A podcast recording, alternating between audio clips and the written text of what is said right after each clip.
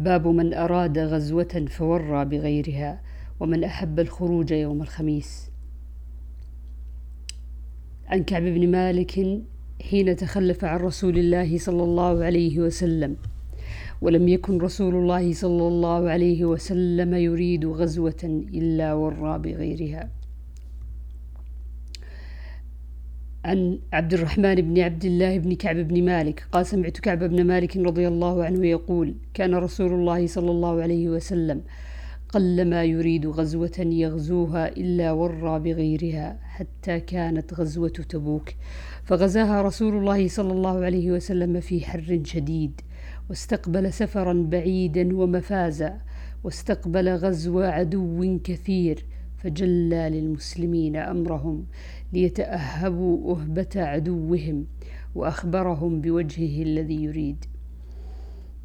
وعن عبد الرحمن بن كعب بن مالك أن كعب بن مالك رضي الله عنه كان يقول لقلما كان رسول الله صلى الله عليه وسلم يخرج إذا خرج في سفر إلا يوم الخميس وعن عبد الرحمن بن كعب بن مالك عن أبيه رضي الله عنه أن النبي صلى الله عليه وسلم خرج يوم الخميس في غزوة تبوك وكان يحب أن يخرج يوم الخميس.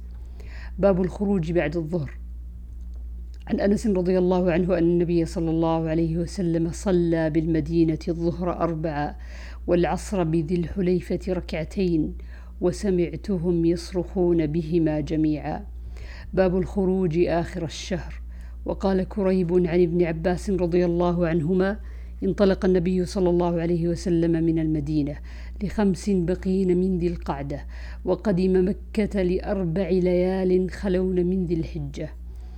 وعن عائشة رضي الله عنها قالت خرجنا مع رسول الله صلى الله عليه وسلم لخمس ليال بقين من ذي القعدة ولا نرى إلا الحج. فلما دنونا من مكة أمر رسول الله صلى الله عليه وسلم من لم يكن معه هدي إذا طاف بالبيت وسعى بين الصفا والمروة أن يحل.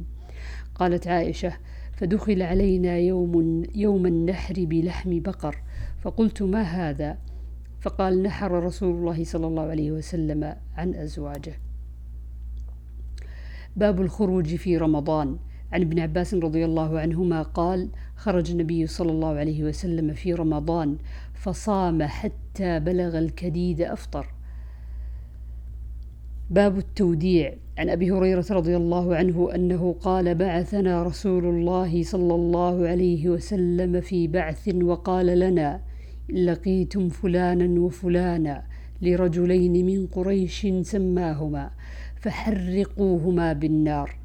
قال ثم أتيناه نودعه حين أردنا الخروج فقال إني كنت أمرتكم أن تحرقوا فلانا وفلانا بالنار وإن النار لا يعذب بها إلا الله فإن أخذتموهما فاقتلوهما. باب السمع والطاعة للإمام. عن ابن عمر رضي الله عنهما عن النبي صلى الله عليه وسلم. قال السمع والطاعة حق ما لم يؤمر بالمعصية فإذا أمر بمعصية فلا سمع ولا طاعة. باب يقاتل, يقاتل من وراء الإمام ويتقى به. عن أبي هريرة رضي الله عنه أنه سمع رسول, رسول الله صلى الله عليه وسلم يقول نحن الآخرون السابقون. وبهذا الإسناد من أطاعني فقد أطاع الله ومن عصاني فقد عصى الله ومن يطع الأمير فقد أطاعني. ومن يعص الأمير فقد عصاني وإنما الإمام جنة يقاتل من ورائه ويتقى به فإن أمر بتقوى الله وعدل فإن له بذلك أجرا وإن قال بغيره فإن عليه منه. باب البيعة في الحرب ألا يفروا وقال بعضهم لقول الله على الموت قول الله تعالى لقد رضي الله عن المؤمنين إذ يبايعونك تحت الشجرة.